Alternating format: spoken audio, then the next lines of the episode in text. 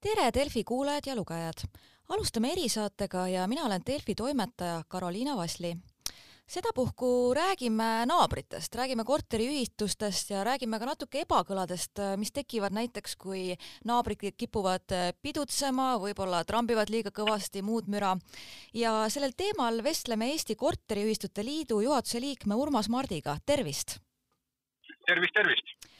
Aga ma läheks ka asja juurde, et toon ka oma näite, et äh, ise elan ka ühes sellises kortermajas Tallinnas ja natuke tüliõunaks on see, et äh, ühes korteris äh, noored inimesed pidutsevad ja siis kuskil korteriühistu chatis hakatakse arutlema, et mis nüüd teha, et kas ühistu saab midagi teha või ikkagi tuleks ka politsei kutsuda või ikkagi tegelikult oleks ka õige, et lihtsalt kõigepealt rahulikult proovida inimestega rääkida, et mis nõu te annaks sellises olukorras? ma olen täiesti veendunud selles, et nagu te ise välja tõite, inimestega rääkida see rääkimine on tegelikult nagu kõige olulisem instrument, kõige olulisem abinõu, kõige olulisem tuvastamisviis, eh, kuidas sulle vastu räägitakse, milline tema meelsus, kas ta kõike eitab või ta ütleb, et jah, vabandust, tõesti selline olukord oli. sest noh, olgem ausad, ega ei saa ju päris nagu, nagu elu kortermajas ka ära keelata, ma mõtlen just sellel viisil, et eh, ma tean olukordi, mis on minu hinnangul ka väga mõistlikud, et noh, meil midagi ei ole teha, paratamatult on meil kõigil näiteks aastas ka korra sünnipäev. ja väga tihti ju tehakse neid sünnipäevasid kodus, mitte küll võib-olla, võib-olla meeletult suurele publikule, aga tulebki võib-olla seal kümme, kakskümmend inimest kokku ja noh, arusaadav, eks, et kui ei ole pikalt kokku saadud, võib-olla pannakse muusika natukene kõvemaks, tantsitakse, tunneks ennast mõnusalt, eks. et ma olen isegi soovitanud ja ma tean, et niimoodi ka tehakse, et näiteks kui kellelgi mingi selline üritus tuleb, pannakse see informatsioon teadete tahvlile ja ausalt öeldes inimesed on leppinud, et loomulikult ei saa nüüd äh, seda, seda pidu võrrelda ööklubiga ja, ja nii-öelda nagu sulanduda siis sinna ööklubi mellu, et keerame kõik põhja ja, ja, ja, ja tellime nii-öelda kõlareid veel juurdegi. aga, aga noh, selline, selline olukord kortermajas, kui kellelgi on ka sünnipäev, on, on minu arust eh, mõistlik taluda, aga kui me nüüd läheme nendesse äärmustesse, siis siin on juba, juba omad olukorrad. et, et kõige esimene asi jah, et, et mõistlikult inimeste vahel suhelda ja ma arvan, et see on kõige parem relv kuidas üldse ja mis juhtudel saab äh, korteriühistu sekkuda, näiteks ise ka üks tuttav rääkis sellest, et on üks äh, pensionär, muidu tundub mõistlik inimene, aga kipub äh, kuidagi trotsist või näiteks nende radiaatorite pihta taguma, mis on üldse üpris selline äärmuslik näide, aga samas võib nagu helina naabritele vägagi kohale jõuda. Absoluutselt, ütleme see radiaatorite vastu tagumine ongi, ütleme, et üks mingisugune argument siis nende isikute poolt, keda siis väidetavalt mingisuguse naaberkorteri äh, müra, äh, müra nagu häirib. noh, siin on olemas ka tegelikult üks asjaolu, mida peab väga selgelt järgima, et seadus tegelikult sätestab ka talumiskohustuse. ega see talumiskohustus on selline määratlemata õigusmõiste, mis siis tuleb nagu sisustada võib-olla mingitest asjaoludest lähtuvalt, aga kui noh, on olnud juhtumeid, ma, ma julgen teile väita, et kuivõrd ma tekitas Juristide Liidu poolt ja, ja, ja mulle väga palju helistatakse, siis mul on olnud ka olukordi, kus tegelikult eh, ei saagi täpselt aru, et eh, kas mul õiguslikult on seal võimalik nõu anda või peaks see inimene võib-olla pöörduma kuhugi mujale, et, et nii-öelda tema, tema kõnest ja tema meeleolust seda aru ei saa. noh, ma toon teile näite, kui inimene tuleb ja, ja on mures, ütleb, et on kõik kohad läbi käinud ja Urmas Mardi, et ma olen teie artikleid lugenud, te olete tore inimene, noh, viisakalt pöördub, et te olete mul viimane õlekõrs. Et ma ei saa magada. ma tean, et naaber hakkab öösel keevitama ja sellest lähtuvalt läheb mul voodi tuliseks ja mul ei ole midagi teha, ma pean minema äh, põrandale magama ja mitte keegi mind ei aita. et vaadake, see on noh, ühtepidi tundub nagu võib-olla natukene nagu, nagu imelik, aga teistpidi on siin nagu väga suur sisu, eks. et kuidas sa aitad, eks. ja teistpidi veel, eks, et, et Eh, kui ongi selliseid olukordi, kus näiteks lapsed üleval eh, jooksevad või noh, ma saan aru, et sealt sellist nagu müra läbi tuleb, eks, aga mingil hetkel peavad tegelikult ka inimesed ise seda taluma. et eh, see on, see on hästi keeruline ja, ja väga keeruline oli see olukord tegelikult pandeemiast lähtuvalt, kus inimesed tegelikult olidki sunnitud kogu aeg koos elama. kellel on olulised koosolekud, kes peab intervjuud andma, nagu mina näiteks praegu Delfi raadiole. no väga keeruline on äh, kontsentreeruda, kui sul üleval keegi põrmib või keegi, keegi puurib või, või noh, tekitab niisugust olmemüra, on ju, aga teistpidi sa pead ka seda taluma. et ma tahan nagu ütelda seda, et siin on nagu kaks olulist asjaolu. üks asi on see, et mida me peaksime taluma, milline on nii-öelda mõistlik elutegevusega kaasnev müra ja siis on juba järgmised asjad on need äärmuslikud et kui nüüd ikkagi selline tegevus jätkub, ta oluliselt mõjutab paljusid inimesi, et siis nendele järgnevad juba tõesti eh, seadusest tulenevad väga rasked ja radikaalsed sammud äkki on teil ka nagu veel näiteid natuke tuua, et mis on kohtukaasusi või mis on läinud selliseks natuke ka äärmuslikumaks, et, et on, on vaja kõrgemalt poolt ka natuke sekkumist? No minul isiklikult on endal olnud ka erinevaid episoode, ausalt öeldes ma olen, olen saanud neid olukordi ka ära lahendada, ehk et ma tegelikult väga hindan kompromissi. et see kohtuvaidlus, noh, osad arvavad, et see on nagu mingi imevits ja, ja see kõik lahendab need asjad. tegelikult need on nii keerulised vaidlused ja ka kohtul on need tegelikult ääretult keeruline lahendada. et seetõttu ma olen alati üritanud inimestele ütelda, et kallid sõbrad, palun säästke oma aega, närve ja raha ja istuge maha, arutame läbi. ma olen olnud seal nii-öelda vahekohtu rollis ja, ja üritanud neid pooli lepitada ja ma olen päris mitu asja ka eh, saanud lahendada. aga võib-olla kaks sellist näidet, mida ma võin välja tuua, üks oli mul Pärnust, eh, kus eh, oli selline olukord, kus näiteks üks konkreetne korteriomanik, ma toon teile ka selle tähtaja välja, sest need on kõik väga olulised. et näiteks tema ei suvatsenud üldse majandamiskuludes korteriühistule maksta ja seda seitsme aasta jooksul ja kujutage ette, korteriühistu juht sai siis oma rahad kätte ainult läbi kohtu. ehk et noh, okei okay,, ta ei läinud küll nii-öelda juba põhilisse kohtumenetlusse, oli siis hagita asi eh, maksekäsu kiirmenetluse näol, aga ikkagi sa pead ju kogu aeg tegelema mingi isikuga, kogu aeg talle meeldetuletusi saatma. ja noh, liiatigi oli veel see olukord, et need inimesed seal pidasid ka pidusid, kuni siis tõesti ühistu sõna otseses mõttes dinosauruse närviga eh, suutis seitse aastat seda asja taluda, kuni ühel hetkel ta enam ei talunud. Ja võetigi üldkoosolekul otsus vastu, et kallis sõber, meie ei pea võimalikuks sinuga selles majas enam elada, sellepärast et selline käitumisviis ei ole meie puhul aktsepteeritav. Ja ei käi ka nii-öelda üldtunnustatud normidega, põhimõtetega kooskõlla. võeti otsus vastu, palgati mind ühistul selleks esindajaks ja ega sealt ei tulnudki vastaspoolelt mingisuguseid olulisi argumente. Ja kohus otsustaski selle korteri omandi sundvõõrandada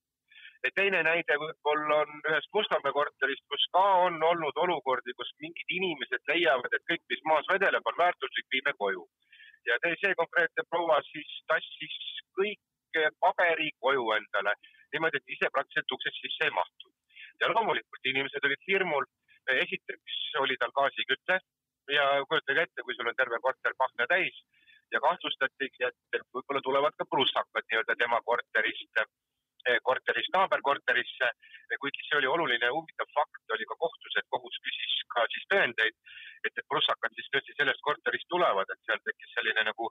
huvitav episood, et ega ei ole ju võimalik nii-öelda tõestada, pole prussakat pildistanud eh, korteri numbri selja peal. aga selline fakt oli olemas ja ma tahan lihtsalt selle eh, olukorra puhul öelda, et noh, see inimene keeldus ka näiteks aknaid laskmast vahetada ja igavene probleemne tegelane ja kui nüüd see asi läks kohtusse, siis kohus tegi paikvaatluse ja ütles sellele prouale, et eh, andke andeks, aga see olukord ei ole talutav. Eh, me anname teile kaks nädalat aega seda olukorda lahendada ja kujutage ette sellest eh, asjaolust lähtuvalt, see inimene sai oma sellest valest käitumisest aru ja ta tegi oma korteri omandik korda. ja vaadake, nüüd tekib üks väga oluline õiguslik fakt. juhul, kui isik saab aru, et on teinud midagi valesti ja ta heastab selle, langeb see nõudealus ära. ja Mustamäe puhul oligi niimoodi, et tegelikult äh, inimene sai oma käitumise veast aru, äh, ta tegi selle äh, korteri puhtaks, lasi ära vahetada aknad ja noh, ma loodan, et nad elavad ka tänini siis, siis toredasti mõistlikult koos, et üksteist ei sega. et ma tahan lihtsalt ütelda selle sundvõõrandamise menetluse poolest ühe väga olulise asjaolu, mida on ka Riigikohus korduvalt viidanud, et head sõbrad, sundvõõrandamise asi ei ole nii-öelda kergekäeline nähtus ja seda saab kasutada ainult siis, kui tegelikult on kõik mõjundus, mõjutusvahendid ammendunud, sellepärast et sundvõõrandamine, noh, see on nagu rahvakeelne ütlemine, tegelikult on ta võõrandamisnõue seadusest lähtuvalt, on kõige äärmuslikum abi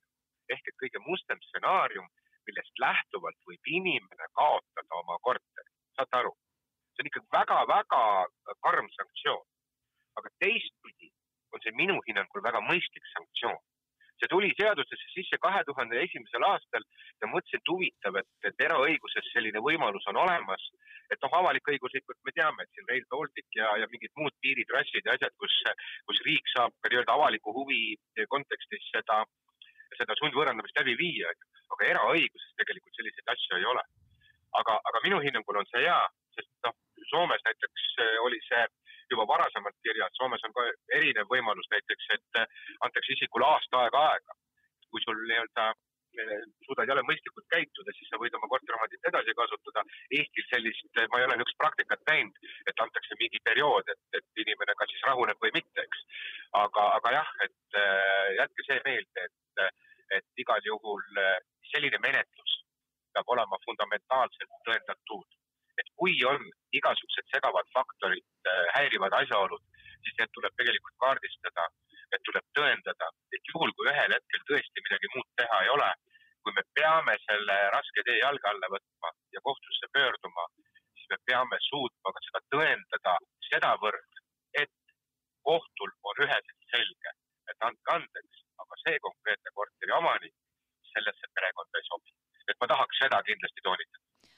kuidas see praktika meil seni olnud, et kas seda tõesti kasutatakse siis tõesti väga sellises viimases hädas või on üritatud ka näiliselt mitte nii väga suurte probleemide puhul ikkagi kohtusse neid avaldusi teha, et äh, kuidas see kujunenud on teie, teie teada?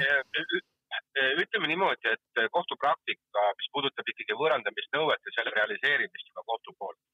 siis seal on ikkagi asjad tõendatud. küll aga on, noh, ma ka hariduselt jurist, on minu käest näiteks küsitud, kui inimesed on seal näiteks võlgu seal kolm-neli kuud ja, ja noh, ega tõesti, no sa tahad ju korteriühistus tegeleda majandamisküsimustega, sa ei pea hommikust õhtuni inimeste järgi jooksma ja küsima, et palun, et millal sa oma rahad ära maksad. et kui näiteks nõudega kohtusse minna, et esitame kohe ka võõrandamise nõude. et nii-öelda esialgne nõue, et inimene tegelikult ei ole olnud paharet seal majas, ta ei ole korda rikkunud, ta ei ole kedagi häirinud, tal on lihtsalt nii-öelda maksehäired ja seadus annab ka tegelikult sellise võimaluse justkui, et kui sul on kuue kuu jooksul Eh, maksmata eh, nii-öelda kolm kuud, siis oleks see ka võõrandamise nõude aluseks. aga mulle tundub, et see on natukene nagu liiga vähe. Et kui me ikkagi võtame inimeselt selle korteri ära, et selles suhtes on tõesti olnud nagu olukordi, et, et aga mis seal ikka, et miks ma pean temaga jälle sinna kohtusse minema, et aitab küll, et võõrandame selle korteri ära. et mulle tundub, et see ei ole selle seaduse eesmärk et eesmärk on ikkagi nii-öelda juba, juba viimane võimalus, et jah, kui sa nüüd nagu korduvalt, nagu ma tõin Pärnult näite, et noh, mulle tundub, et võib-olla ka seitse aastat ootama ei pea,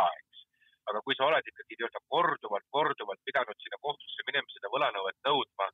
ja, ja noh, eh, ikka see inimene seda mõistust pähe ei võta, siis tasuks ka alternatiivnõudena seda, seda siis kaaluda, et, et jah, nii ta paraku täna on küsiks veel ka nõu, et need inimesed, kes elavad, ütleme väga suurtes paneelikates, mis on meil võib-olla selline Mustamäel ja Lasnamäel, et kas seal üldse, kui on naabriga konkreetselt probleem, võib-olla ühel või kahel korteril, kas üldse hakata korteriühistu tasandil või pigem üritada pigem omal käel alguses vähemasti, et? Vaadake, ega tegelikult ju selline mingisugune häiriv faktor segab mingit isikut, ta tavaliselt ei mõjuta nii-öelda võib-olla kogu selle maja elanikke.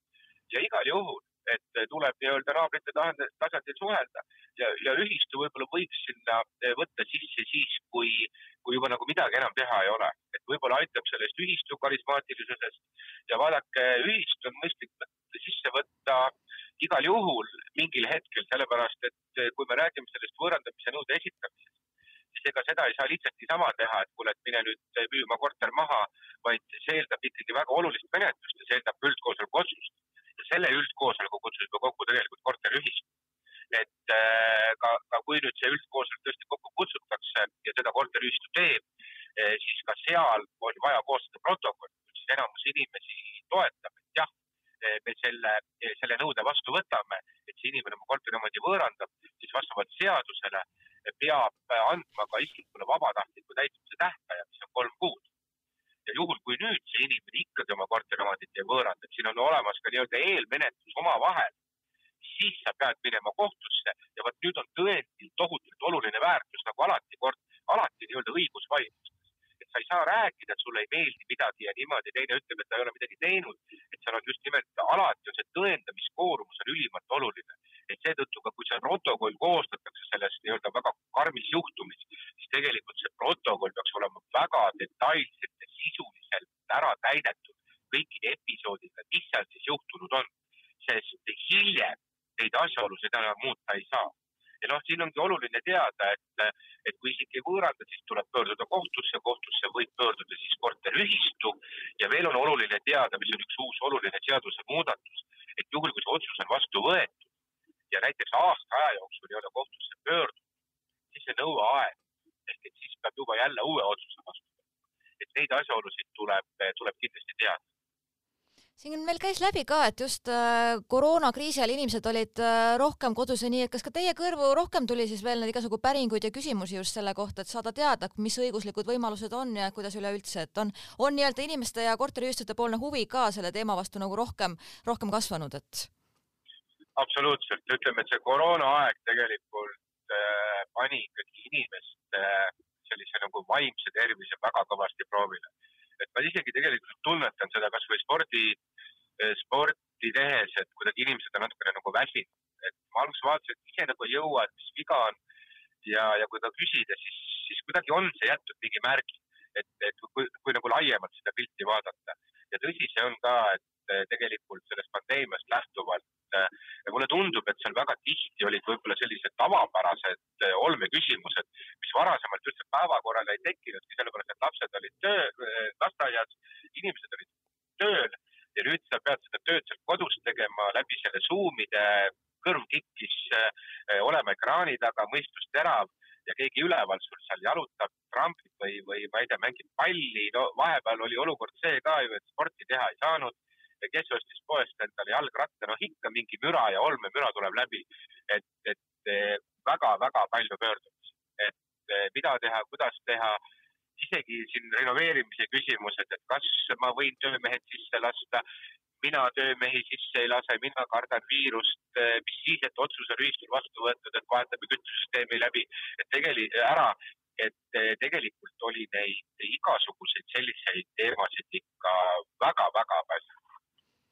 jah, eks kogu see aeg oli palat tule ja ristsed, aga jah, loodame, et äh, sügisel saab natukene hõlpsamalt või vähemasti on sellised, väike põhi on laotud ja vundament, et teatakse, kuidas edasi minna ja kust ka abi küsida, et.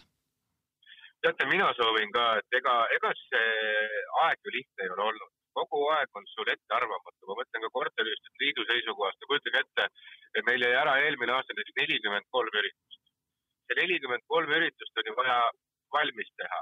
Kõik kokku leppida, ruumid, värgid, noh, meil on auditooriumid siin suured, osadel on neli-viissada inimest, eks. ja, ja see kõik kurnab ja kurnab, et see on nagu, nagu niisugune mõttetu tegevus, et, et sa ei tea, mida sa teed, mis homme toob, millised on näitajad, millised on piirangud. et ma lihtsalt tahan kõiki üles kutsuda, et praegu on muidugi see üldkoosolekute viimane etapp veel, et kolmekümnendaks juuniks peavad ühistud oma majandusaasta aruanded esitama Eh, kus siis on eh, üle kümne korteri omandi ja, ja, ja väiksematelt siis, kus on juhatuse liikmed valitud. et, eh, et pärast seda tõesti tundke sellest elust nagu rõõmu ja, ja üritage kohe võimalikult palju ja mõnusasti puhata, et meil on seda kindlasti vaja, et toredasti ja normaalselt ellu jääda. ma tunnetan seda, seda nagu ise ka, et inimesed on kuidagi, kuidagi väsinud, et me võib-olla läheme nüüd sellest, kui sellest võõrandamise nõudest natukene eemale, et noh, kuule, ma, ma ei räägi ainult korteriühistutest, et, et noh, kuigi seitsekümmend viis protsenti inimesi elab kortermajades, kortermajades ja, ja see on väga suur hulk inimesi, Eestis ligi miljon, aga, aga, aga see on tõesti olnud äh, katsumus ja ega siin midagi teha ei ole, et, praegu lihtsalt ilusti-kenasti puhata ja üritada üksteist mõista, teretada, naerata nii-öelda selles naabrussuhtluses ja, ja, ja võtta eh, ilusatest ilmadest maksimum. selge, aitäh teile ja minu poolt ka samad eh, soovid meie lugejatele ja aitäh teemat laiemalt valgustamaks ja head suve jätku ka teile, loodan, et õnnestub ka puhata suur-suur tänu teile, sõidan just Pärnusse tennist mängima, võtan kõike maksimaalselt ja mõnusalt. aitäh! kõike head, nägemist!